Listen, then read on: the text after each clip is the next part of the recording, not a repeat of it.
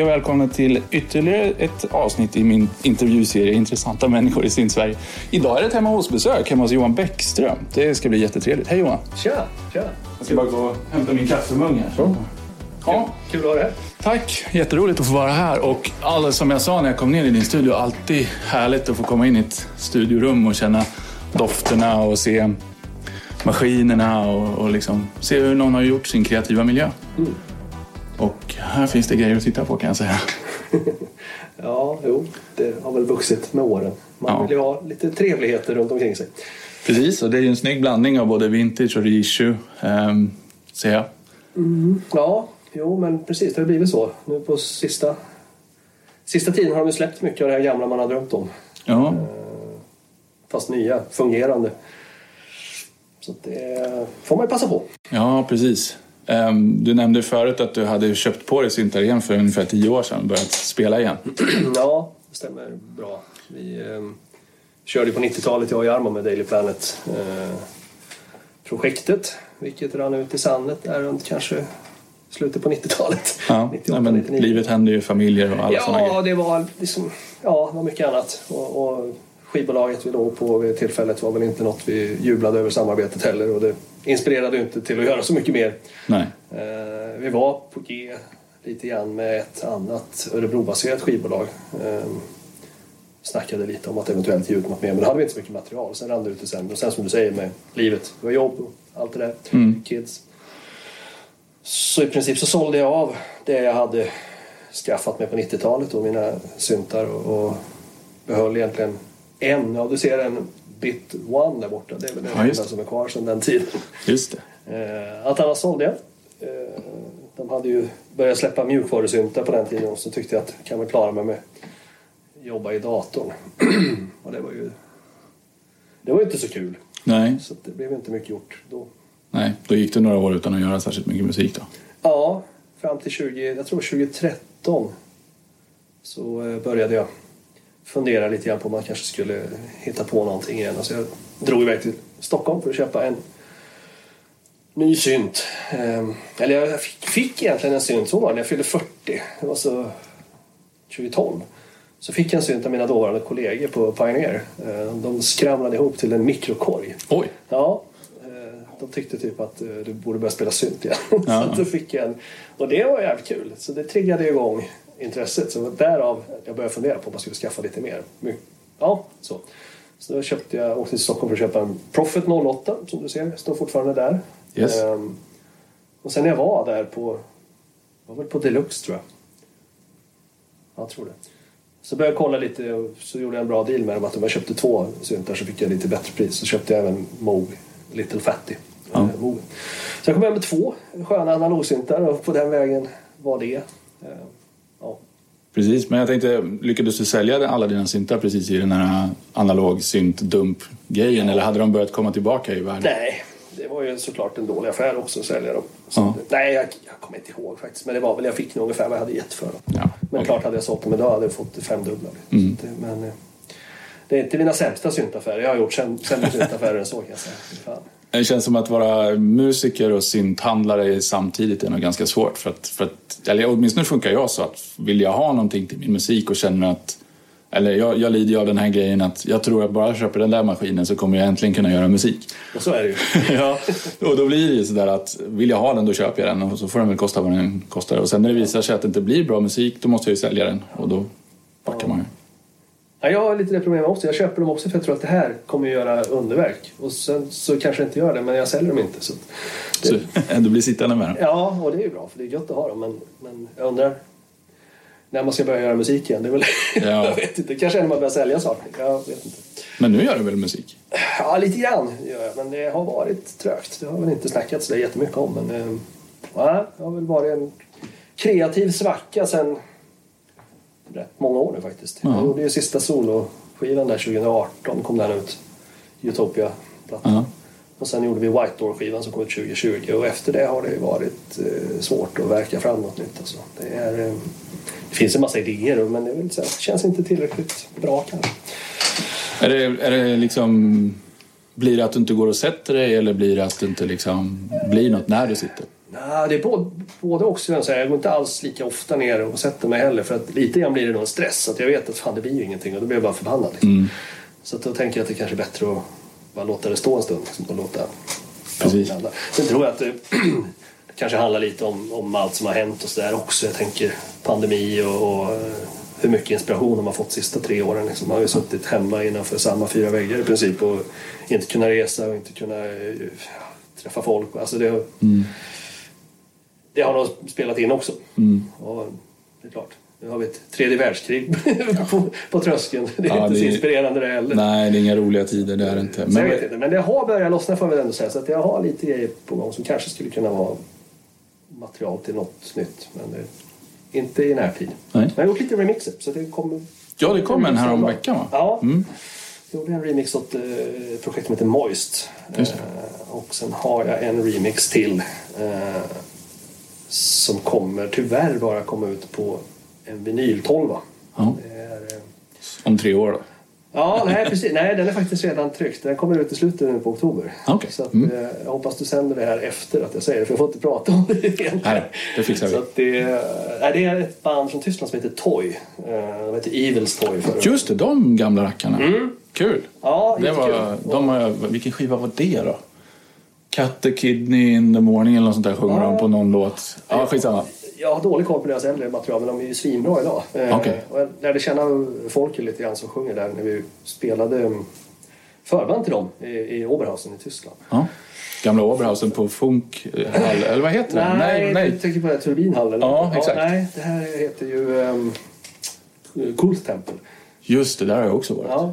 Eh, nej, så vi lirade där. Sen så hörde han av sig här för något år sedan och undrade om jag hade lust att göra en remix. Och till saken hör att låten är en låt som han har skrivit tillsammans med Marion Gold från Alphaville. Ja, Ja, och, eh, så det är Marion Gold som sjunger. Och det är ju lite coolt för en annan. att Det är Alphaville-sångaren som har strömmat genom mina högtalare Ja. i studion. Så det är coolt. det är coolt. Eh, tyvärr så kommer det inte ut digitalt. Det hade man väl kanske hoppats och fått lite mer Mm. spridning. Så, sådär. Men eh, köp tolvan. Ja, köp tolvan. Ja, men vad bra. Då, då ser vi till att klippa det här avsnittet och släppa det efteråt. Eh, Och särskilt som bitvis strular med klippandet nu. Ja, exakt. Jävla slit. Men, och sen har man inte kunnat spela något live heller. Det är, Nej, det också. Nu har Mm. inte jag varit någon så här super live. Jag har inte så att jag har varit ute på eh, tre månaders turnéer eh, med mitt musicerande. Men lite grann har det blivit och det är kul att lira live. Så mycket av det där har väl gjort att man liksom inte har haft någon superinspiration. Men Mm. Jag tror det kommer komma tillbaks. Det är, jag menar, gör det inte det så då gör det inte det. nej. Det är fortfarande kul att gå ner och spela synt och ta med sig en eh, kall öl och bara sitta och lira. Ja, Så ja absolut. Det, det Men, men vi pratade lite grann förut om att du aldrig använder de inbyggda sequenserna i maskiner och nu har du inte så många syntar som har det i och för sig heller. Men, men för mig har det blivit en liten renässans av att kunna gå ner och sätta mig och ta fram ett par maskiner och så bara koppla ihop dem och börja programmera någonting och bara lyssna på det. Hur, hur gör du när du startar upp ett nytt projekt? Liksom öppnar du bara daven med tomt... Ja, ja jag gör väl tvärtom höll jag på att säga. För det är väldigt sällan jag använder både arpeggiator och inbyggda sequencer. Det är Sjukt sällan jag använder dem överhuvudtaget. Eh, men det är väl för att jag kommer från en, en, en värld. Mina första sequencer det var ju Roland MC500 och det var ju lite som du har i en, i en DAV idag. Att du kan spela in live och sen kvantisera och du behöver inte sitta och step-programmera. Liksom. Så att jag är, jag är väl för bekväm. Så, så att, Ja. nej, det är nog mer att dra igång och Absolut kan jag sätta på en sequence som står och tuggar bara för att liksom hålla en basgång medan jag står och lirar lite slingor. Men så fort jag har minsta lilla idé så är det ju inne i, i dabben och programmera. Liksom. Ja. Men du spelar gärna in slingorna också? Ja. Ja. Ja, men det gör jag. Alltså, jag med programmera menar jag att jag, jag spelar, spelar in allt från ett keyboard. Ja. Men oftast, med tanke på den musik man gör, så ska det ju vara bentajt. Så då kvantiserar man ju allting efteråt. Mm. Kanske om det inte ens behövs, så kvantiserar man i alla fall. Så att, ehm, Fast det har jag tänkt på lite grann, för jag har ju lyssnat in med en hel del på dina låtar innan den här intervjun och jag tycker ju att det låter väldigt levande ändå. ja, Tajt men levande liksom. Ja. Så du har inte lyckats döda, vad ska man säga, feelingen i det med kvantisering i alla fall. Nej, Och det, det handlar ju kanske inte så mycket om hur tajt det är egentligen. Men när man lyssnar på kraftverk som är liksom det, i alla fall de här från The Man Machine och fra- så, är det ju, det är ju kvantiserat. Och det, är, det är ju tajt liksom. Eh, Men ändå svänger det och låter organiskt. Så det handlar kanske mer om vad man använder för ljud och, och hur man arrangerar dem. Ja. Sen kan man ju låta ljuden leva även om de är rent rytmiskt bentajta så kan det ju vara att det ja, samplar en hold som justerar frekvenser eller vad det kan vara. Som, eh, Ja, precis. Eh, Vi pratade också lite om det förut när vi, vi pratade om eh, vintage-syntar kontra nya syntar. Hur de kan liksom... Alltså att gamla är lite mer opålitliga och stämmer om sig och, och, och grejer lite. Och du var inne på att um, VCO och sånt där som du gärna stämmer så att de har precis lagom bit. Kanske tappar det en oktav upp eller efter en liten stund på en vintage-maskin. Medan på de här reissue-grejerna som du har så håller det på sig lite bättre. Tappa en oktav upp kan du göra även på Reach. Jag har redan fått kalibrera om ARP 2600 där. Eh, I alla fall en gång för att den eh, var rätt taskig eh, tracking över oktaven. Alltså, så det är nog svårt att komma ifrån. Men däremot så är det lite stabilare oscillatorer. Och just det där att, som du säger, om man ställer in den här perfekta detunen mellan två eller tre oscillatorer. Då vill man att det ska vara så sen också en stund. Inte att man ska behöva tweaka på det var 50 minuter. Då blir man irriterad för att ha rätt ljud. Men det skiljer ju enormt mycket om det är minsta, minsta lilla gör ju ljudet till ett helt annat ljud. Och där, där skulle jag nog inte orka med en riktigt sunkig gammal Minimo som bara far hej vilt åt alla håll. Utan det, då hade jag nog tröttnat. Faktiskt. Även om jag älskar det här analoga när det driftar lite, lite, lite. Ja. Men, eh, ja. Den här um, 10 som du har som är en Rev 4, den har ju den vintage-ratten. Upplever du, liksom, hur, hur upplever du den? Jag brukar inte använda den så mycket faktiskt. Det behövs inte. Men den- Den är ju faktiskt eh, relativt driftig i sig ändå. Som den är? Så, ja. Ja. Det är ju, du hör på olika röster att det är lite som på Jupiter 6 där också. Har det stått på en stund så, så um, tar du en ton så tar du tonen bredvid så kan det skilja rätt mycket i detunen mellan oscillatorerna till exempel. Um, sen har ju den ett annan, den har en autotune-funktion också men den sparar ju temperaturpunkter. Ja, så att det. är det 46 grader så har den sparat att så här ska jag stå inställd och är det 47 grader så ska jag vara så här inne i chassit. Ja. Men ändå så håller den sig inte riktigt och det är skitgött. Den Mm. låter svinbra. Det är precis lagom. Ja, ja den, ja, den är suverän. Så att eh, är i princip på noll nästan jämt. Ja. Den har ju eh, en liten funktionalitet att den, att den ändrar envelopperna lite grann också mellan rösterna har jag förstått. Det är ju enda anledningen till att använda vintersratten. Att om jag vill ha Ja. att filtret kanske ska falla olika på varje röst och sådär till exempel. Då, Precis. Då, då, eh, då finns det en poäng. Men just för stämningen så finns det ingen anledning faktiskt. den, är, den är illa nog ändå. Nej, den är så levande och varm ändå. Så det, det, sen om det kanske bara är min som dunkar. Det kanske är fel på min, jag vet inte. Men, men eh, Den låter som den ska. ja, den. Men om vi går tillbaka till början. Alltså, när, när började du göra musik? När kom du på att det var syntmusik du skulle hålla på med? Oj. det måste ha varit... Jag var ju ja, 11 ish. Mm. 12. Vad kan det ha varit? När släppte de eh, You and Me Both-plattan? Ja, jaså. 82. Ja, eller, eller är det inte 83 som de säger, vad heter det, Blå Måndag? Att, att det är liksom det bästa syntåret någonsin med typ alla plattor. Ja, det var 82, 83 i alla fall. Ja, men det. Någonstans. Ja. Så, så var det väl polares brorsa, storebrorsa som spelade upp ju, eh, Nobody's Diary. Och, Ja. och där väcktes ju ett intresse för jag hade aldrig hört det soundet. Liksom. Det var så jävla coolt. Liksom. Ja. Allting lät ju helt annorlunda mot radiopoppen man lyssnar på. Liksom. Ja, och jag har också fått ungefär den upplevelsen av just den plattan. Liksom, och framförallt Ja, den låten. ju ja, verkligen en upplevelse. Nej, det var 83, det var rätt. Alltså, jag har ingen aning, jag säger Nej, det bara för att Blå stämmer, Måndag det säger det. Men eh, alltså då önskade jag mig en synt i julklapp och det fick jag ju inte. Men jag fick en sån musikmaskin. Eh, Casio MT65 med inbyggda bossanova-komp och, och flöjt och harmonika och allt vad det fanns. Och, men eh, ja, på den började jag sitta och plinka och gjorde faktiskt lite låtar redan på den. Det var väl inte så avancerade grejer men jag kommer ihåg en av dem fortfarande. Kul. Eh, ja, jag har dock inte släppt den. Nej, kanske lika bra. Ja, så jag tror. Eh, sen så sparade jag ihop pengar på något sätt om jag var ute och delade ut eh, reklam och lite sånt där och köpte en CS 01 Yamaha. Mm. Alltså den, är ju, den låter ju otroligt mycket större än den är. Ja, för stor är den inte. Nej, Eh, men den är frän. ja, den var skitcool. Så den, eh, den hade jag kul med. Men eh, sen startade vi ett band, jag och två polare från skolan. Eh, bytte jag väl ut de där grejerna rätt snabbt vill jag minnas och, lyckades få min far att skjutsa mig till Märsta och köpa en Poly 61 en sån där. Eh, Just det. det är inte, inte den där, men eh, en likadan. En likadan. Eh, det visade sig sen, jag pratade med Kalle ifrån Saft. Mm. Och den jag köpte, det var hans polare i något slags embryoband till Saft. Det var honom. Alltså synt-Sverige är ju enormt litet. Ja. Det visar sig ju liksom hela tiden. Alla känner alla. Ja, lite så. Jag tror han hette Magnus. Ja. Ehm, De heter ju det. Ja. ja, De heter det, syntarna. Ja. Ja, nej, så, så var det. Då köpte jag den och så eh, började vi lira med det här bandet med min polare Rickard Krull och Patrik Persson. Patrik han, han har snälla föräldrar. Han fick både en Juno 106 och en SO101. Oj, det var lyxigt. Ja, och Rickard fick en CZ 1000. Sen bytte han den mot en eh, JX8P. Det var lite senare. Ja. Men det här är i Karlskoga då på Då är vi- 80-talet? Då är vi i Karlskoga. Ja, då är vi kanske i sjuan, åttan, var jag då, 13-14 år. Ja, Eh, precis. Så att, eh, ja, spela på sån här högstadiediskotek. Ja. Och vi gick till Högbergs musik i Karlskoga och hyrde. Tamat hade släppt syntrummor. Så Ja. Det var som Simmons fast fulare. så gjorde vi om alla låtar. Att vi la in ett 32-takters break i alla låtar så vi skulle kunna stå på scen och bara banka loss allt vad vi orkar på Simmons-trummor. 32-takters. Härligt. Ja, ja, det var kul i alla fall. Så jag vet inte om publiken det var så imponerande. Nej, men så där är det ju. Alltså på högstadiet så ska man ju liksom exponera sina band och spela allt man kan hitta på. Ja. Bara för att det är kul. Men eh, var det där i krokarna sen lite som Daily Planet började bli aktuellt nu? Nej, det kom väl senare. Um, körde på med det där bandet New Opera hette vi. Fram till 86, 87 kanske. Sen började jag spela mer ro- rock, rockbaserad musik med ett annat band. Också ett gäng från Karlskoga. Sköna grabbar. Det var väl mer influerat av Toto och den, Ja, ja. den svängen. Lite mer symfonirockaktig.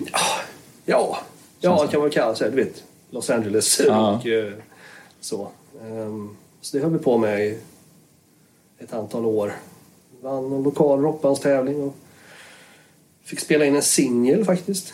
Ehm, vilket jag fick lite skäll för att jag fick fram att vi skulle såklart ha en sequencer som styrde ett arpeggio i refrängerna. Vilket tog en jävla tid att synka upp mot en bandare man spelade in på. Så det tog så mycket tid. Så att bara för att jag ville ha det där så fick vi aldrig råd att pressa singeln. Så det blev en jävligt bra demo. Så de andra i bandet var inte skitnöjda med, med min sequencer-idé där. Men, Nej. ja. Ja, men det var ju på den tiden man tvungen att hålla på och böka massa. ja, det skulle lägga sin tidkod på, på 24-kanalen och spela in i Jonas Kuling hette han, en kille som hade en studio i, i Örebro. Ja. Ja. Men eh, nej, sen Daily Planet, det började vi väl var väl 93, 94 någon gång. Så träffades eh, Jarmo och jag i en studio i Karlskoga och började snacka lite sådär via gemensamma bekanta. Och eh, kom fram till att vi kanske hade en hel del gemensamt vad det gäller vad vi gillar för musik och vad vi tyckte fattades för musik Ja. idag. Så eh, där började vi. Så 94 gjorde vi de första låtarna ihop. Ja. Daily Planet. Men där du säger att, ni, att det fattades musik, känner du att du gör musik liksom för att fylla ett tom, tomrum? Eller känner du... Nej. För det där tycker jag är en intressant filosofisk tanke. Liksom. Vad, vad är det som driver en? Varför gör man musik? Vad är det som eh, man tycker är liksom, det roliga med det?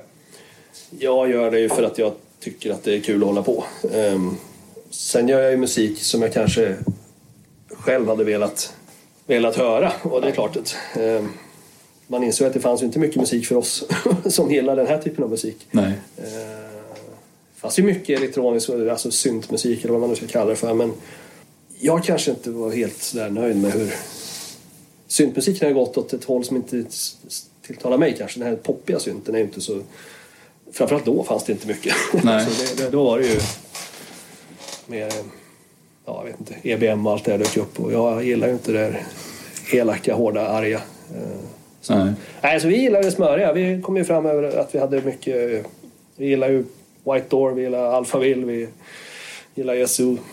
Givetvis Depeche. Ja, men det här melodiska ändå snällare synten. Så att vi tyckte Ja. väl att det fanns eh, plats för att, göra någonting sånt. Ja, men Depeche har väl en del mörkare sidor. Inte så hårda och elaka direkt, men Nej, fast- ett mörker i dem. Ja, ja men det är ju mörker på ett snyggt sätt. Och jag, jag, det är ju inte att jag inte gillar mörker. Jag kan tycka att det är nice. Men, men jag, jag har svårt... Ja, men, jag, jag kan ju inte ens termerna där. Men det man, jag, i min bok säger jag body eller EBM. Alltså de här som står och matar en basgång. Allt vad de orkar. Och så en arg tysk sång på. Alltså det är ja, men Wolf, Wolfband. Ja. Ja, Wolfband det tänkte jag nämna. De är klassiska på det. och Wolfband, ja, det är ju ett av de, de band som jag faktiskt kan lyssna på. Jag tycker de är ändå... Fan, det var coolt där. Det var hårt och, och så här. Ja, men de drar det ju till sin spets. Och Ja. de gör det ju jävligt bra. Ja. Plus att de, ja, jag tycker att de är otroligt funkiga. Ja, precis. Och det, det finns väl lite musikalisk bakgrund där tror jag som, som gör att det är... Ja, Men envisas de fortfarande med att vara hemliga? Jag vet faktiskt inte. Jag har de- ingen kontakt med dem. Nej, för jag har ju sett att de, eller jag har ju sett dem live någon gång och de uppträder ju liksom med masker och grejer så att man ser vilka det är. det, det, Ja, men det gör de säkert. Ja. Men eh, vi är inte på samma label längre och sådär så att eh, jag har ingen större koll. Nej, nej. Men det är inte din sorts musik helt enkelt? Nej, men just, jag, nej, att jag kom in på dem var för att det var väl ett av dem eventuellt som jag kan tycka har varit bra. Liksom. Att jag, Ja. jag kan orka med en kvart. Men Ja. sen, sen, sen pallar jag inte. Det är, eh, Nej. är, eh, nej, jag, jag gillar smör. Det har jag sagt förr, jag får stå för det. Det är väl så. Nej men det är väl bra. Alltså det är väl viktigt att hitta vad det är man gillar liksom och vad, hur man vill göra så att man inte spretar åt alla möjliga. Det kan vara kul att spreta också men Jag tror det handlar om att det fattas melodi ofta i den där musiken. Att det är jävligt monotont. Att det liksom matar på princip en grundton och så hoppar man upp till en, en halvton över och så tillbaka till grundtonen igen och så är det ingen sångmelodi utan det är mer en ja, jag vet inte vad man kallar det för. Men alltså, jag har svårt när det inte är melodi. Och när du säger Depeche då, att det är mörkt. Ja, det är ju skitmörkt. Men där är det fortfarande melodier och harmoni. Att det, liksom, det, är, det är en oh ja. musikalisk struktur på ett helt annat sätt. Så jag, jag, jag tappar intresset. Det är likadant instrumental musik. Jag, jag har, finns det ingen sångmelodi som är snygg mot en harmoni som är snygg så tappar jag också intresset. Även om det är, jag kan till och med tycka att Jean-Michel Jarre ibland blir tråkigt. Även fast det är skitgoda ljud. Men, men ah, efter en kvart så är det inte... Då, då åker hjärnan iväg och tänker på något annat. Liksom. ja. Så jag vet inte. Så det, men, men eh, ett melodiskt inslag och sköna harmonier och gärna sång, det är lite klassiskt Ja, ja, poprecept. det, ja liksom. det, det är nog så ja, faktiskt. Fast spelat på syntar. Fast spelat på syntar. Fast Så- får gärna vara gitarr också, men, men bara det inte hörs för. Nej. Men, men hur skriver du musiken då när du, när du funderar ut liksom en låt? Står du och tar några sköna ackord på syntarna och känner att ja, men den här ackordföljden funkar? ja, det kan hända. Det, det är lite olika, men antingen kan det vara att man bara sätter sig vid pianot och, och klinkar en melodi mot en, några grundtoner och, och så hittar man någonting och så utifrån det börjar man sätta sig vid datorn. Och, eller en ackordföljd eller vanligast är nog ändå att jag gör ett skönt ljud. och då är det väl ofta något monofoniskt att man står och hamrar en god bas eller någonting och så bara fan, nu måste jag göra någonting så jag kan använda det här ljudet.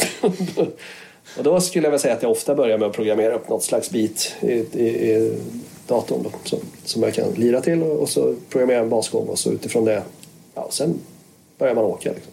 Se vad det blir. Så man gör väl en fyra takters vända eller en åtta takters vända och bygger på den med fyra, fem olika stämmer med olika syntar och, och tills det känns nice. Och då måste man ju fortsätta för eftersom ingen av dem har minnen så ja, det är ju låt stå på dem tills, tills man är klar. Man kan ju inte ha olika basljud på vers och refräng så måste man ju göra klart både vers och refräng och brygga och allting innan man kan liksom eh, Ja, du måste i princip bara upp låten innan Ja. du liksom... Exakt. Rattar dem. Det, det, nu har man tack och lov så pass många maskiner så man kan ju ha ett projekt igång som inte är färdigt och ändå ja, men då ger jag fan i de fem syntarna så har jag Ja. Tills du känner att äh, men när jag skulle vilja ha en minimobas på den här så har du Nej, och den står fortfarande inställd då på, Ja. på... Och då är vi där igen. Vi pratade om just det här att de här gamla förändrar sig så. Även om jag har ställt in ett ljuslag på den dagen efter så låter det annorlunda. Mm. Men minimogen, eftersom det är en reissue så låter den ju i alla fall nästan likadant när man slår på den nästa gång. Så att det, men ja, nej. Så pålitligt. ofta så tvingas, tvingas man fram på grund av att man vill göra klart innan man kan riva panelerna på syntarna. Liksom. Mm. Men jag tror att det faktiskt är ganska nyttigt att, att våga committa till tejp. Liksom. tror jag också. Ehm, För det var ju en av orsakerna. Dels att det lät rätt kackigt om de här första mjukvarusyntarna som kom i början på 2000-talet. Och sen just det där att det var så jävla lätt att bara trycka save och så här, ta resten en annan dag så lät allting exakt likadant. Men här vet man ju att gör jag inte klart idag så kommer det inte låta exakt likadant imorgon. Utan jag måste fan få in det här på tejp liksom. Sen är det så gött att vi säger på tejp fortfarande. Fast ja. ja, det finns så mycket uttryck i, i, i det här som, som lever kvar från det gamla. Men, men absolut, att man, att man spelar in och känner att man har låst ja, sitt verk. lite så är det. Men jag tänker också på det här grejen med att du har syntar utan minnen. Eh, Jag började ju göra musik med syntar utan minnen, en Pro One och sådana där grejer. Och, och för mig var det så självklart att, att istället för att gå igenom en massa presets eller, eller spara min ljud i minnet till en annan gång så lärde jag mig helt enkelt hur, hur vissa ljud är uppbyggda. Och så, så behövde jag ett liknande ljud så rattade jag in det igen. Ja. Och det är ju, du skulle nästan kunna titta på en synt och se hur det låter i, i princip. Ehm, Det är användbart, framförallt live om man envisas med att typ ha en minimo med sig istället för något med minne. Ja. Så, Ja. eh, Jag hade en minimo som jag roade mig med att göra så mycket inställningar som möjligt som alltså, gör att den inte gör något ljud. Det finns ett antal switchar för oscillatorerna. Du kan ställa volymen på noll, du kan ställa eh, vågformen på triangel och på low och, så vidare. och Så vidare så, så låter det ju ingenting. Så du måste Nej. switcha på ett antal switchar innan det låter. Eller så stänger du bara av de tre oscillatorerna så är det tyst. Och det också. Ja, men, men jag, jag tänkte som en utmaning, hur, Ja. hur, hur långt ifrån ett ljud kan jag ställa maskinen? Just det. Så att säga. Vad använder du det ljudet till sen? Ja, det var ju tyst. så det blev inget. Jag använde det som eh, paus mellan ljuden. Ja. Men Minimogen är en fantastisk maskin och jag tror att ehm, även om den inte är så otroligt kapabel så har den ju ett, ett skönt sound som man kan leva på jävligt länge. Ja, Det är väl nästan hela... alltså, det är ju inte speciellt... Den är ju inte så kompetent. Den är Nej. ju jävligt begränsad. Ehm, men det är ju ljudet. Mm. låter ju som ingen annan. Det finns ju ingenting som låter som en Nej. minimum. Inte som jag har hört i alla fall. Nej. Ehm, mycket kommer nära men, men inte hela vägen. Men eh, när du har köpt reissues, jag ser att du har köpt alltså original reissues så- att säga. Alltså Prophet 10 är ju Dave Smiths sequential, eh, Mogen är ju Moog. Eh, 2600 är ju korg men de har väl lyckats få tag i Ja, det har ju varit ARP, ARP-gubbar med i alla fall Mm. och lagt sin hand vid produkten. Det var väl samma med, med ARP Odyssey. Vad heter han? David Friend va? Som Just det. Precis. in- inblandad i. Så det är ju... Men visst, det är korg. Det är det. är inte, Ja. Så det är inte en ARP. Nej, men det är inte Beringer i alla fall. Det är inte Beringer. Det är det inte. Men, men eh, har du provat någon av Beringers? Ja, jag har väl provat deras Pro 1, heter den, Pro 1-kopia. Min eh, kamrat Daniel Bergfalk köpte en sån. Eh, Så vi roade oss här. Vi brukar ha såna här gubbsyntkvällar ibland. Man, han släpper med något och så står vi och lirar. Ja. Ehm, och dricker whisky. ja, det är trevligt. Eh, ja. Men, eh, ja, men den lät ju alltså förvånansvärt nära tyckte jag faktiskt. Ehm, inte identiskt. Vi tyckte att det var mer must i originalet. Mm. Den var lite tjockare och på något sätt. Det kan ju också vara åldern. Att Ja, det är klart. Det är, det är väl nog mer intern dist i den där även som, som är lite smutsigare kanske. Jag vet inte. Men däremot tyckte jag inte att um, enveloperna var rätt på, på reissuen. Den var helt fel faktiskt. Det var jättesvårt att hitta de här sköna snärtiga ljuden. Men det har de, vad jag förstod, fixat med mjukvaror. För det är mjukvaruenveloper i den. Så att det, det, det var tydligen inte bara jag som tyckte det. Utan jag läste någonstans att det har kommit en, en update som fixar till. Så att den är Okej. mer, mer lik originalet. Så att det är hatten av. De har väl gjort en jättebra klon. Sen tror jag inte att alla de här klonerna de har gjort har varit lika bra. Jag vet inte. Nej, alltså jag köpte ju Pro 1 eftersom jag saknade min Pro 1 och orkade Mm. inte köpa en, en original. Och jag upplevde ju envelopperna som, som precis som jag mindes dem. Ja, men då kanske det var med den nya mjukvaran då. Ja, hoppas det. För, för jag tycker att envelopper är en över... Alltså, bortglömd del av syntarna och alla tjatar om att filtret låter si och mm. VCO-erna låter så och det är så jätteviktigt med gainstagingen i mixen och, och det är det säkert. Mm. Men om envelopperna är fel så låter det skitilla. Alltså det Nej, Det är blir... svårt att hitta. Man är framförallt van hur den ska vara. Jag menar på, Mm. på den där, man måste ju liksom vrida mer än ett kvartsvarv innan det ens händer någonting på enveloperna. Ja. Och, och den var ju bara någon millimeter så började det... Nej, det är fel. Mm, Liksom. ja, det är helt fel. Ja, och jag har sagt det förut, jag hade en sån där, jag köpte ju Moogs Model 15 eh, modular Ja, ja, ja. grejen. Just det, de Och- gjorde en reissue på den också. Ja, och den, envelopperna var ju helt kassa på den. Jaha. Du vet, det hände ju liksom fan. alltså, jättemycket mellan, mellan ja, de första 5-10 graderna du vred på den. Ja. Och det, så ska det absolut inte vara. Nej. Det ska inte vara riktigt lika snärtigt som på en Pro One, men, men åt minimos-hållet. Jag menar, där kan det ju liksom ganska långt innan det händer något. Jag har ju för liten erfarenhet av, av gamla minimogar. Så där, jag har testat dem några gånger men inte så att jag vet hur de exakt ska vara. Och förmodligen så finns det nog inget exakt ska vara. det är nog säkert beroende på årsmodell och, och Ja. hur de har åldrats och så. Men jag tror att den där är ganska nära. Jag vet inte. Jag, jag, jag har tatt, petat på en i en affär Mm. och upplevde väl den att den var ungefär som jag mindes Ja. Mm. min minimum. Sen så har de ju faktiskt skrivit ut tiderna på den så då kan man ju kolla om det stämmer. Ja. Det hade de ju på eh, Model 15 också och det var ju, det var inte i närheten. Nej, okej. Så bra. Så det är jävligt snygg Model 15. Ja, De nej. Men sen finns det en annan sak som jag vill klaga på på den. Nu sitter jag bara och gnäller på Moogs reissues här, men, men de har ju en filterbank i den. ja. Och tydligen så kan man ju bygga, fil- man kan bygga filter på olika sätt. Och i originalet så är det några spolar som man bygger filtret av. Och de är tydligen dryga att, göra och dyra att köpa och allt vad det är. Så de sket väl i det och gjorde det. Nu har inte jag öppnat och kollat men de, de verkade som de hade struntat i det och gjort på något annat sätt. För det lät inte alls som jag minns det. För jag har en kompis som har en riktigt gammal Ja. modular. Och jag minns den filterbanken som det var i rent smör i öronen liksom. Det var fantastiskt hur den lät. Men konstigt, för de verkar ju ändå... Just när man såg alla videos på, på Minimo Vision hur, hur noggranna de hade varit och till och med börjat nytillverka komponenter som inte finns för Ja. att det skulle vara exakt. Så det känns så konstigt att de har gjort... De kanske fick kritik för de där kommer före Minimogen vill jag minnas. Ja, det gjorde de. Det kan ju vara fler än du som tyckte så. Då kanske de tänkte att Ja. nu gör vi det här all in. Liksom. Ja. Kanske, jag vet inte. Och det är märkligt också för att jag har en matriark och den ska ju vara baserad på original 900-modulerna. Bland annat envelopper och filter och så vidare. Där upplever jag envelopperna som väldigt mycket mer användbara. Ja. Liksom, som jag förväntar mig. Har du den med alla färgerna på? Ja, godisbutiken. Ja. Först tänkte jag när den kom så bara fy fan, den är, jag hoppas den kommer i en neutral, svart, trevlig, normal syntfärg. Liksom. Ja. Men, eh, men eh, sen när den kom i, i den så tänkte jag nej, jag ska ha godisaffären i alla fall. Ja. Nej, jag tyckte den var så sjukt ful när den kom. Ja. Och sen växte den ju. Den gör ju det. Ja, så nu tycker jag den är rätt cool. Och så, som du sa, den kom i svart så... Ah, jag skulle nog ändå hellre vilja ha en. Ja, men det känns lite fegt Ja, nästan. ja jo, Lite faktiskt. Den svart ser ju ut som en eh, CS Yamaha tycker jag. Ja, precis. Den har ju inga träsidor så då kan den ju inte låta lika bra. Nej, exakt. Nej, det är sant. Ja. Du, eh, vi tänkte ju, nu befinner vi oss i din studio så jag tänkte vi skulle gå igenom lite grann hur, hur du jobbar med musik och, och sådär. Så vi ska ta och koppla, koppla om lite grann. Vi kan försöka. Ja, då ska vi titta på din låt som heter Come With Me som eh, jag fastnade för när jag fick eh, äran att välja ut den som vi skulle prata lite om. Mm. Och den, eh, den innehåller till och med ett spår som heter Yazoo Blipp. Det tycker jag är lite roligt. Ehm, eftersom du lite förknippas med vår gode vän Wins. Ja. ja, de har ju sagt det någon gång. Och det Ja. ligger väl någonting i det. Jo, jo det heter Yazoo-blipp och det är väl ett Yazoo-blipp. Precis. Så. Och, eh, men det är inte gjort på en Pro One. Nej, det är gjort på en Akai AX73. Ja. Eh, IBM, grå gammal plåt. Ja, Okej.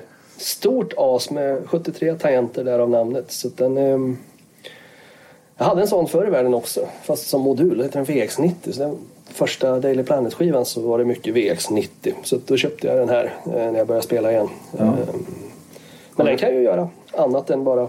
Det är ju en- analog polysynt med sex rösters VCO. Ja. Har du den som eh, mammaklaviatur också eller kör du lite? Nej, nej absolut inte. Den är faktiskt eh,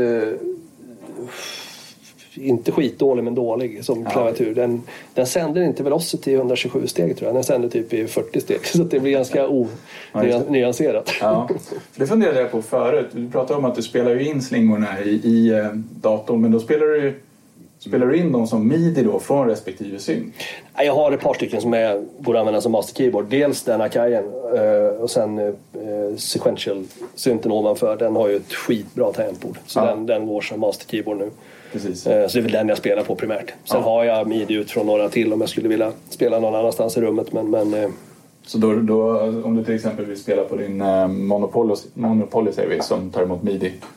Då kör du det från, från Prophet Ja. ja. när du ska spela in själva midi-noterna i, i Ja. datorn. korrekt. korrekt. Right, så Yazoo Blipp, hur låter det då?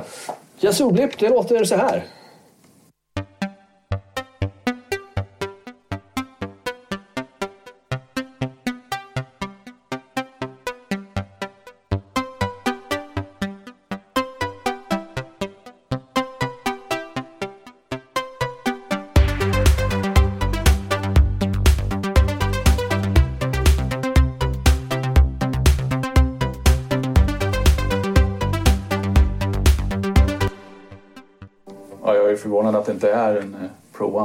Låter ju som en smal eh, sågtand, eller för att säga fyrkant på en Pro One. Och jävligt snärtiga enveloper. Ja, Och så kan jag inte låta bli att gunga när basgången och hela melodipaketet kommer in. nej, det... nej, men det är kul. Alltså, det, är, det är roligt när du diskuterar vilken låt vi skulle snacka om och så tog du den här som är den absolut mest minimala låt jag har gjort. Det var, hur många ljudspår är det? Är det 20 inklusive sång tror jag? Det är, det är, inte mycket. Men eh, Gången är väl från början bara en... Eh, jag gjorde den på eh, Moog Little Fatty men sen tyckte jag inte att den var tillräckligt tjock.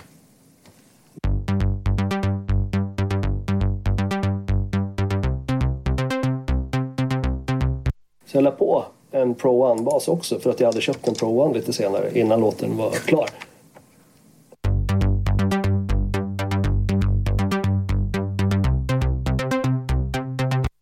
Får lite mer ja, kött, kött och lite mer attackbettet i. Ja, men precis. Men den är ju ändå ganska attackig basen. Det är väldigt mycket öppet filter i början och, och jättesnabb. Mm. Det är väl framförallt framförallt på One-ljudet. Ja, jättesnyggt. Men hur kommer du liksom på den här, den här basgångsmelodin? För den där, den där hade jag aldrig klurat ut själv. Nej, jag har ingen aning. Jag testar väl bara så, så kommer det efter ett tag. Står och matar. Ja. Allt jag orkar. Jag körde in det där blippet. Det, var ju det, det började med att jag gjorde det ljudet. Eh, Yazoo-blippet då som det tracket tydligen kallas. Eh, så spelade jag in det och sen så test- testade lite basgångar och Ja, körde väl in de där trummorna. Eh, precis. Trummorna är lite speciella. Mm. Det är eh, dels en skön baskagge som jag fick av min kompis Jonas Sjöström. Han har gjort den på en Pro Prophet 12 Sequential. Eller det hette inte Sequential då, det hette Dave Smith. Ganska vass Ja. eh, och skön botten i. Ehm, På rätt snärt. Men alltså en Prophet 12, är inte det... Ja, det kanske är VCO, eller? Eh, nej, det är digitala oscillatorer i den men det är analoga filter. Det är klart baskicken den gör han väl bara med filtrerna. Så att, eh, Ja, just det. det. Så att, ja, så resten är ju virvelkaggen. Eh, jag kommer inte exakt ihåg vad jag använder för synta men det är något mix av två. Jag tror det kan vara Mini Brute och eh, någonting mer. Jag vet faktiskt inte. Cymbaler från eh, MS-20. Hi-hats från Mini Brute.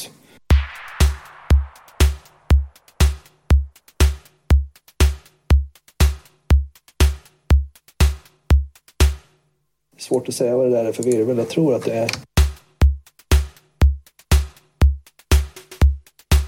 Pro One är virveln. Pro One. Mixat med någonting som jag också har fått från Jonas tror jag. Jag tror det verkar vara någon liten... Just det, det är också en Prophet 12. eh. Så det är två virvlar som Ja. gör en. Alltså, det här tycker jag är ganska intressant. För dels att syntetisera, syntetisera sina egna trumljud är ju en sak. Liksom. Mm. Men sen att hålla på och lägga dem i lager så här, tillsammans med ja, men andra som man har syntetiserat själv eller som andra har gjort är ju, Ja. är ju rätt så... Det tar ju sin lilla tid och är ju lite pyssligt. Ja, men det är lite kul också. Och så sitter man, när man inte har något att göra kan man alltid gå ner i studion och skruva fram lite nya bastrummor. lite sådär. Så får man bygga upp, så man har en liten bank med, med, med sådana ljud. För det, jag tycker det är roligare än att jag jag är inte så förtjust i, i alla fall inte till min musik, alltså vanliga akustiska samplingar, det, det passar liksom inte. Så det är antingen den här typen av ja, syntetiserade ljud eller eh, samplingar av, av trummaskiner möjligtvis. Ja. Nej, men det, det låter ju väldigt bra och väldigt passande för musiken. Så det är ju, Mm. Men ja, alltså, ärligt så hade jag inte riktigt tänkt så att det var så mycket självskruvade ljud. Så. Nej, nej. Men för mig så går det åt väldigt mycket tålamod till att skruva trumljud. Jag tycker det är svårt. Och sen så har jag väl gett upp lite tidigt för att jag har försökt på fel synt. Um, jag, av någon anledning så skulle jag göra en remix åt en kille. Björn som har varit med i en annan intervju. Han gjorde en chiptune-låt så gjorde i Reason. Okej. Och så gjorde jag en remix och då bestämde jag mig för att bara använda min Croomer Spirit. Okej. Och så, den är tjorvig som fan för den ju krångliga envelopper och massa grejer. Så jag hade jättesvårt att få till bra trumljud. Ja, jag har aldrig testat den synt så jag vet inte. Men, eh, Den är lite lurig. Um, eller italiensk eh, halvdan kvalitet ja, jo. med lite mog. Ehm, Det, är ju, Crewmar är ju, det där är ju en Crewmar också, One. just det. Eh, och det vet jag, den började trassla efter 20 år och så fick Daniel kolla i den och det visade att massa lödningar var inte ens något lödtänd. De har inte ens lött fast prylarna i den. Så det är som sagt italiensk kvalitet. Ja, men lite så. Ja. Ehm, men, men alltså, spenderar du lång tid på att göra ljuden så att du liksom får dem exakt rätt? Ja, men just, just när det gäller trumljud så kan jag väl inte säga att jag gör det för de gör jag oftast separat och så sparar jag dem och så då handlar det, det blir nästan det blir nästan som preset-bläddrande. Det är väl ungefär enda gången jag preset-bläddrar. Det är när jag ska... Men sen kan det ofta sluta med att jag kör in ett bit när jag är i tidigt skede på en låtidé och, och så jobbar jag mot det men sen kanske man inser sen att kicken är fel eller virveln är fel eller någonting och då, då får man skruva till en ny och då, klart, då, då får man lägga lite tid. Men sen när det gäller trumljud då gäller det verkligen att det är rätt synt och jag vet inte hur den crewmaren är men, men enveloperna och filtret är ju helt avgörande för att det ska bli bra. Liksom. Så att idag är det ju det är Pro One eller, eller um, ARP 2600 som är mina go-to-syntar. Och minibruten, alltså det är väl ungefär det enda jag använder minibrut till, att den är jävligt bra på att göra virveltrummor. Att, ehm, Ja, men den har ju den här metallic-funktionen som gör den lite... Ja, sen att filtret, alltså du har ju både bandpass och notchfilter och sådär så du kan liksom hitta mm. sköna sweet spots för att få... Ja, Nej, jag tror inte jag använt den metalizern speciellt mycket. Så, men, eh, Jag tycker den gav en lite så metallisk skön karaktär. Jag hade, jag hade microbruten. Men det var ju liksom... Den var lite one trick pony för mig. Och det kanske beror på min fantasilöshet. Men, men jag fick den inte riktigt att låta särskilt roligt. Nej, och det, de låter inte speciellt kul. Den är inte heller, de är jävligt kalla och, och sådär ilskna. Men, men när man behöver kallt och ilsket så är den ju bra. Ja. Och den är ju inget värde i den så den får vara kvar. Ja, Ty- Tyvärr är den så jävla äcklig och, och vidröra nu bara för den har ju med åren så händer något med plasten på sidorna. Om du känner på det är helt jävla klibbigt liksom. Så Men det, det där råkade jag ut för. Jag hade en lampa stå i ett fönster som inte tålde solljus. Det var någon gummiplastgrej. Ja, Så- är det, det, och den där har aldrig stått i direkt solljus utan det handlar bara om åldrande. Liksom. Ja. Och det är även på rattarna och allting så den är skitvidrig. Så jag, jag, jag, komponenter. Nej, jag rör den inte gärna. Alltså. Men, eh, men det är allmänt känt vad jag förstår. Man läser lite på nätet så har ju alla samma problem på de här gamla. Ja. Eh, Ja. Men, ja. Och sen så arrar du liksom upp låten nu då, när du har hittat en basgång och ett melodiblipp och, och ett litet beat. ja, precis. Ehm, då har man ju... Framförallt när jag gjorde den här, för då hade jag, inte, då hade precis börjat köpa syntar igen. Så då hade jag inte mer än... Ja, hälften av det här är nog MS-20 på den här låten. Tänker jag. Så det, det, hade väl MS-20, Minimoog, eller förlåt, Moog, Little Fatty, Juno 106, Akai AX73. Och sen köpte jag Pro One den där på slutet. Så jag hade ju inte mer liksom. Ehm, och då måste man ju se till att göra klart. För man börjar jobba med låten och, och ja, då får man göra klart det. ett, ett arrangemang när man kan börja göra nya ljud och, och fortsätta på låten. För då har man inget annat att jobba med. Liksom. Så det är väl en nackdel med att ha skaffat fler instrument. Att då blir man inte lika pressad att gå vidare. Nej. Kanske där jag har problemet. Att jag hade svårt att gå vidare med låten. Ja. Så, så du skulle behöva sälja av lite? Ja. Eller magasinera i alla fall. Sälja låter otäckt. Ja, sälja är läskigt. Ja, jag hade en period när jag sålde mycket för att jag liksom tänkte så här, det man, man vinner ingenting på att vara sentimental, det är bara att sälja skiten. Men nu ångrar jag mig. Jag Ja. bara åt grejer. Ja, nej, det, ja, det, de får allt vara kvar. Ja. Nej, men så jag, jag, tycker det är mysigt. jag kan tycka det är mysigt att bara gå in i studion och, och säga hej till dem. Liksom. Jag behöver inte alltid spela på dem. Nej, man kan slå på allt och gå runt och lira lite på varje fem minuter och så eh, säger man godnatt. sen. Ganska skönt. Ja. Men eh, vi, vi pratade lite grann förut om att du har liksom upp alltihopa och låter det liksom midi styra syntarna så länge som möjligt innan du, innan du spelar in. Mm. ja, men precis. För då har du ju möjligheten att, att sätta allting. Ehm, så att alla ljud lirar ihop. Man ställer en, en slaskmix på mixerbordet. Eh, I och med att jag har ett analogt bord som allting går in i så kan man ställa nivåer och lite panoreringar och någon, någon temporär effekt bara för att få en bild av hur det kan låta. Ja. Så får man tweaka alla ljud emot varandra och se till att det inte krockar med varandra. Eh, Att allt känns bra tillsammans. Förhoppningsvis så ska man inte behöva göra så mycket sen när man väl spelar in grejerna i datorn. Då, då har man ju de har gjort mycket av jobbet redan. Då behöver man kanske inte EQa och, och komprimera och, och sådär. Nej, precis. Och sen så har du möjligheten att arra ihop det också. För det är, men om man har ljud som krockar i en mix så kan man ibland arra om det och liksom flytta en oktav hit eller dit. Exakt, exakt. Du hör ju precis. Ja, det, är, det är svårt om du redan har spelat in det och sen skruvat in ett annat ljud på den synten och sen inse att fasen det här lirar inget bra. Nej. Ja, då måste du försöka skruva till samma ljud en gång till och börja om och det är ju inte skitlätt att hitta. Viss, vissa smörrebrödljud kan man hitta något som är visst, nästan samma sak men, det Men det, det låter lite grann som att många av dina låtar bygger på ett visst ljud som, som i stort sett aldrig går att återskapa exakt likadant. Ja, så är det säkert. Att de har liksom hamnat i... eh, Ja, men du har liksom hittat ett ljud som, på synten som, som inspirerar dig till att göra själva låten och så. Ja, men så är det ju ofta. Det börjar ju ofta med ett ljud och i det här fallet var det det blipp, blippiga ljudet. Då. Ehm, så det blir liksom katalysatorn som sätter igång processen. Ja, och sen har du liksom en loop som går runt, runt, runt och så jammar du till den. Ja, precis. Te- testa lite står och skruva ljud och jammar. Det blir någon sån kombinerad. Man liksom rattar och ser hur det låter och, och spelar olika melodier och kanske man når fram först till en melodi som känns schysst. Ja, men då kanske jag spelar in den. Eller så når jag fram till ett ljud som känns schysst. Ja, men då står jag med det ljudet och letar melodier. Så det, Ja. det är lite beroende på vad som händer, händer först. Det brukar hända någonting om man står och tragglar och det är väl det är väl det man inte har orkat riktigt ibland på slutet. Här. Ja, ja. Men, I vilket skede kommer texten då så att säga? Sjukt sent. Då är låten i princip klar. Arrad och färdig liksom? Ja. Ja. ja. Är det, ett, är det ett, ett tvång och ett måste eller är det Ja. liksom en, är det en jobbig bit? Liksom? Ja, det är det. Ja. Jag, är inte, jag har liksom ingenting jag har ingenting jag behöver säga. Med, inte med min musik i alla fall. S- så det handlar mer om att hitta någonting som låter bra. Alltså för mig är ju text är mycket är ju en bärare av en melodi. så, så. Och samtidigt vill man ju inte att det ska vara fullständigt mumbo jumbo som inte betyder någonting. Utan, och då blir det lite press att man får fram någonting som ändå känns ja, men vettigt och någonting vill man väl kanske säga. Eh, Ja, Så att, ja, jag tycker text är svårt. Jag tycker det är svårt. Text är jättesvårt och framförallt liksom, tycker jag de gånger jag har försökt att hitta en sångmelodi som liksom funkar. Alltså det är väldigt lätt, eller väldigt lätt kan jag inte säga, men jag landar ofta i ett fack där man, där man har, sjunger väldigt enkla melodislingor så att man stapplar nästan för att det är så banalt och trivialt. Så, så de få gånger som jag har skrivit sång och text har det blivit väldigt liksom jag tycker att du är ju långt, långt ifrån det så du hittar ju på något annat vis rätt. Texten kommer ju inte in förrän... Jag har ju redan gjort sångmelodin också. Utan jag brukar... När jag har ett arrangemang hyfsat klart, alltså jag har spelat in och gjort musiken klar, då börjar jag fundera kring sång, sångmelodier. Och sen så spelar jag in en slasksång. Som, alltså det är bara på ord.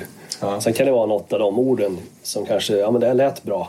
Come with me, eller vad det nu kan ha varit i det här fallet. Då, jag vet inte. Men då kanske man försöker nå någon text som liknar i alla fall det man sjöng det för att det var en bra klang i det i förhållande till... Så att det handlar ju mycket om att... att ja, sången är ett instrument bland alla andra egentligen. Men däremot Ja. ett instrument som, som vi är ju syntnördar så vi sitter och lyssnar på alla syntljud och, och fan vad är det som händer i höger högtalare lite svagt i bakgrunden. Oh, den panorerar över till vänster.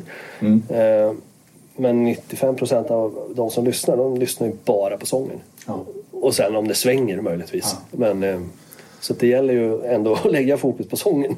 Ja. Eh, och som jag berättade förut så tappar jag ofta intresset om det inte är någon sång. Så det, är väl, det är väl viktigt att det är bra liksom. Ja. Nej, men, eh, men jag är ju likadan som du. Jag, jag lyssnar ju hellre på syntljuden i bakgrunden än liksom sången i förgrunden. De får sjunga lite vad de vill. Liksom. Ja, ja. Eh, Men, men jag tycker ju om när den är där och framförallt i den här typen av musik. Hade den här varit instrumental så hade det inte varit riktigt samma sak. Nej, det är klart. Den, eh, det händer ju inte så mycket. Det är ju som sagt, vad är det? 6-7 ljud. Det är väl inte mer. Nej. Så att eh, det är... eh, Nej, det är en brassmelodi och lite små trudelutter här och där. Men mycket mer är, är det inte. Nej.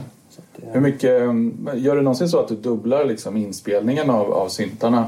Ja, basen gjorde du det på. Mm. Eh, Ja, men det händer faktiskt hyfsat ofta. Jag ser att det har hänt två gånger, det hade jag glömt bort. Men jag visste att jag hade gjort eh, brassljudet, den här slingan. Det hade jag gjort på MS-20. Det var, jag hade glömt bort faktiskt att det var...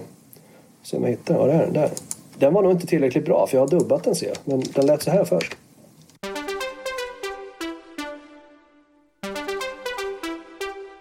Men jag har tydligen lagt på en till med Pro One. Och så har jag blandat båda. Lite stabilt det.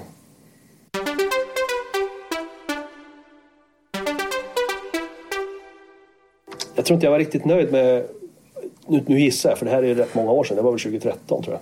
Men jag gissar att jag inte var riktigt nöjd med envelopen från MS-20. Den är lite slapp i attacken. Den här Pro är ju snärtig liksom. Jag tror det var... Det var nog så, tror jag. Du får lite mer bett i attacken. Vad coolt att få höra det på, på det här sättet. För att alltså, ljudet är ju stort, det hör man ju i hela mixen i låten. Mm. Men nu när du säger det liksom, så tänker man ju på att ja, fan MS-20 ligger lite längre bak och, och Pro 1 flyttar liksom ut ur högtalarna lite grann. Kommer Ja. lite fram och Ja, ja kräver lite mer uppmärksamhet. det, så är det nog. Ja, nej men annars inte så mycket att jag jobbar med layers annars. Men här hade jag faktiskt gjort det på både bas och kanske att jag valde fel synt från första början. Att jag var tvungen att fetta till det med... Ja.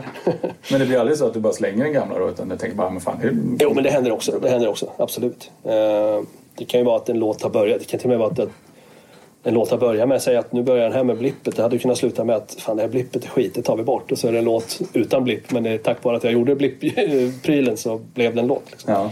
Så att, ehm, Det där har jag tänkt på någon gång. Alltså, jag har pratat om kreat eller så här, reaktiv kreativitet och aktiv kreativitet. Alltså aktiv det är ju när du utgår från tomt ingenting liksom, och bara plockar ur, ur dig själv.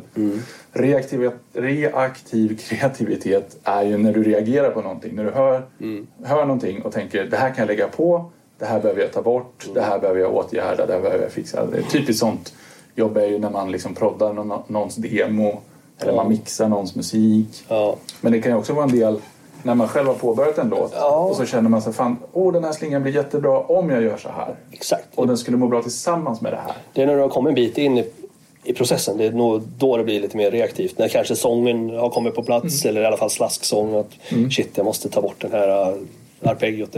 Jag hör ju inte sången eller vad det nu kan vara. Precis. Ehm, Jag, jag har ju jättesvårt att ta mig över den där rackarns tröskeln där man liksom kommer in i den här reaktiva flowet. Man känner liksom att nu, nu har jag en grund. Vart tar jag det här vidare? Och så hör man så, åh det här vill jag ha, det här vill jag ha, det här vill jag ha. Ja. Det, det är liksom, det där vita bladet skrämmer mig så att jag prokrastinerar jättelänge. Liksom. Ja, men det är, det är svårt just att komma just det där att komma igång. Liksom, Ja. Från blankt papper som du säger. Liksom. Så jag, jag har börjat tvinga mig nu liksom, att sätta mig. Har jag en kväll så bestämmer jag mig för att nu kör jag. Nu finns det inga ursäkter. Nej. Liksom, utan nu, allt annat är undanskuffat liksom, och klart. Bra, kan vi släppa det? Nu kör vi det här. Så får det bli vad det blir. Men, men jag tror att... Men då, då i princip våldar du ut en låt som bara måste bli någonting eller? Nej, nej, jag tvingar mig bara att sätta mig med maskinerna. Sen om det blir en loop som jag spänner ut i fem minuter, Ja. då är det så. Det är ju ingenting som jag planerar att ge ut liksom, utan det är ju bara för min egen rutins skull så att Ja. säga. Och framförallt nu då så har jag ju, nu jag kör ju första tre timmarna blir det väl typ, kör jag helt datorlöst. Kör ju bara med maskinerna. Just det.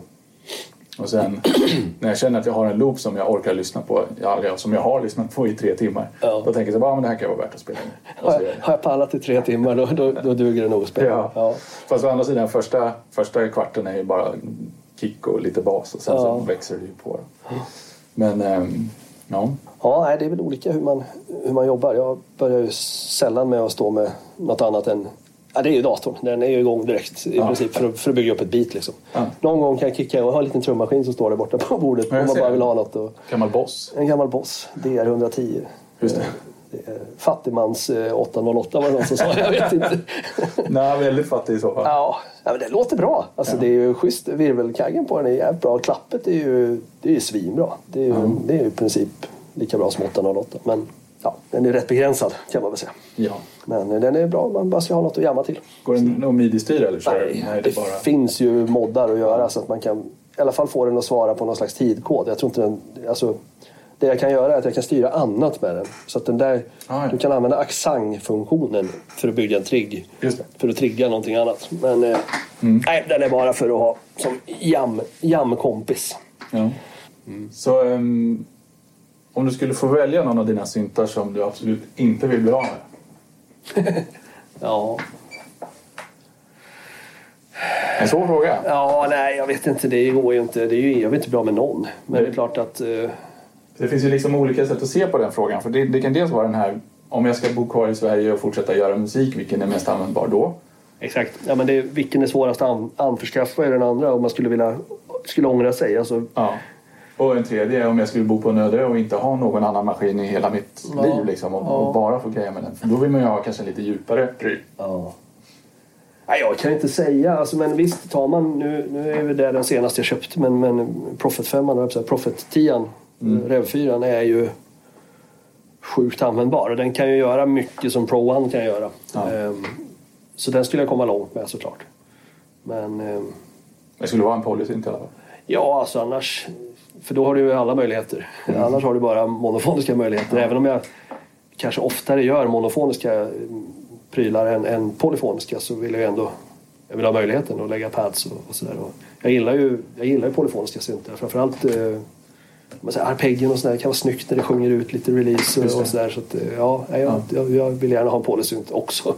Men ska jag bara välja en så... Ja, nu frågar du idag. Imorgon säger jag säkert något annat. Så att, eh, är jättesvårt. Men, men den låter bra, den kan mycket. Den är ny så den kommer förhoppningsvis hålla länge på min öde ö. Så då tar vi den. Har du någon vit val då? Någon, någon synt som du hemskt gärna skulle vilja? Nej. En var ju Jupiter 6 faktiskt. Det var ju gött när man skaffade en sån. Mm. Eh, Minimo var också en sån.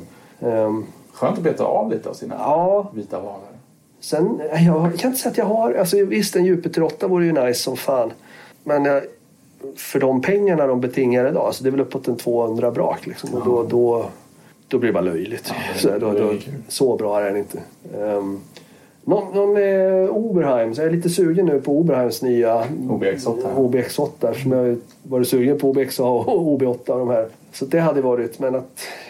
Jag har nog ingen vit val som jag liksom skulle kunna sälja allting bara för att köpa Nej, den. Liksom. nej men någon sån där som man drömmer om som man tänker sig att det här borde vara är shit liksom. Ja, men jag, det, man har ju förmånen att faktiskt ha kunnat då skaffa några av dem. Jag menar, Jupiter 6 var en. Mm.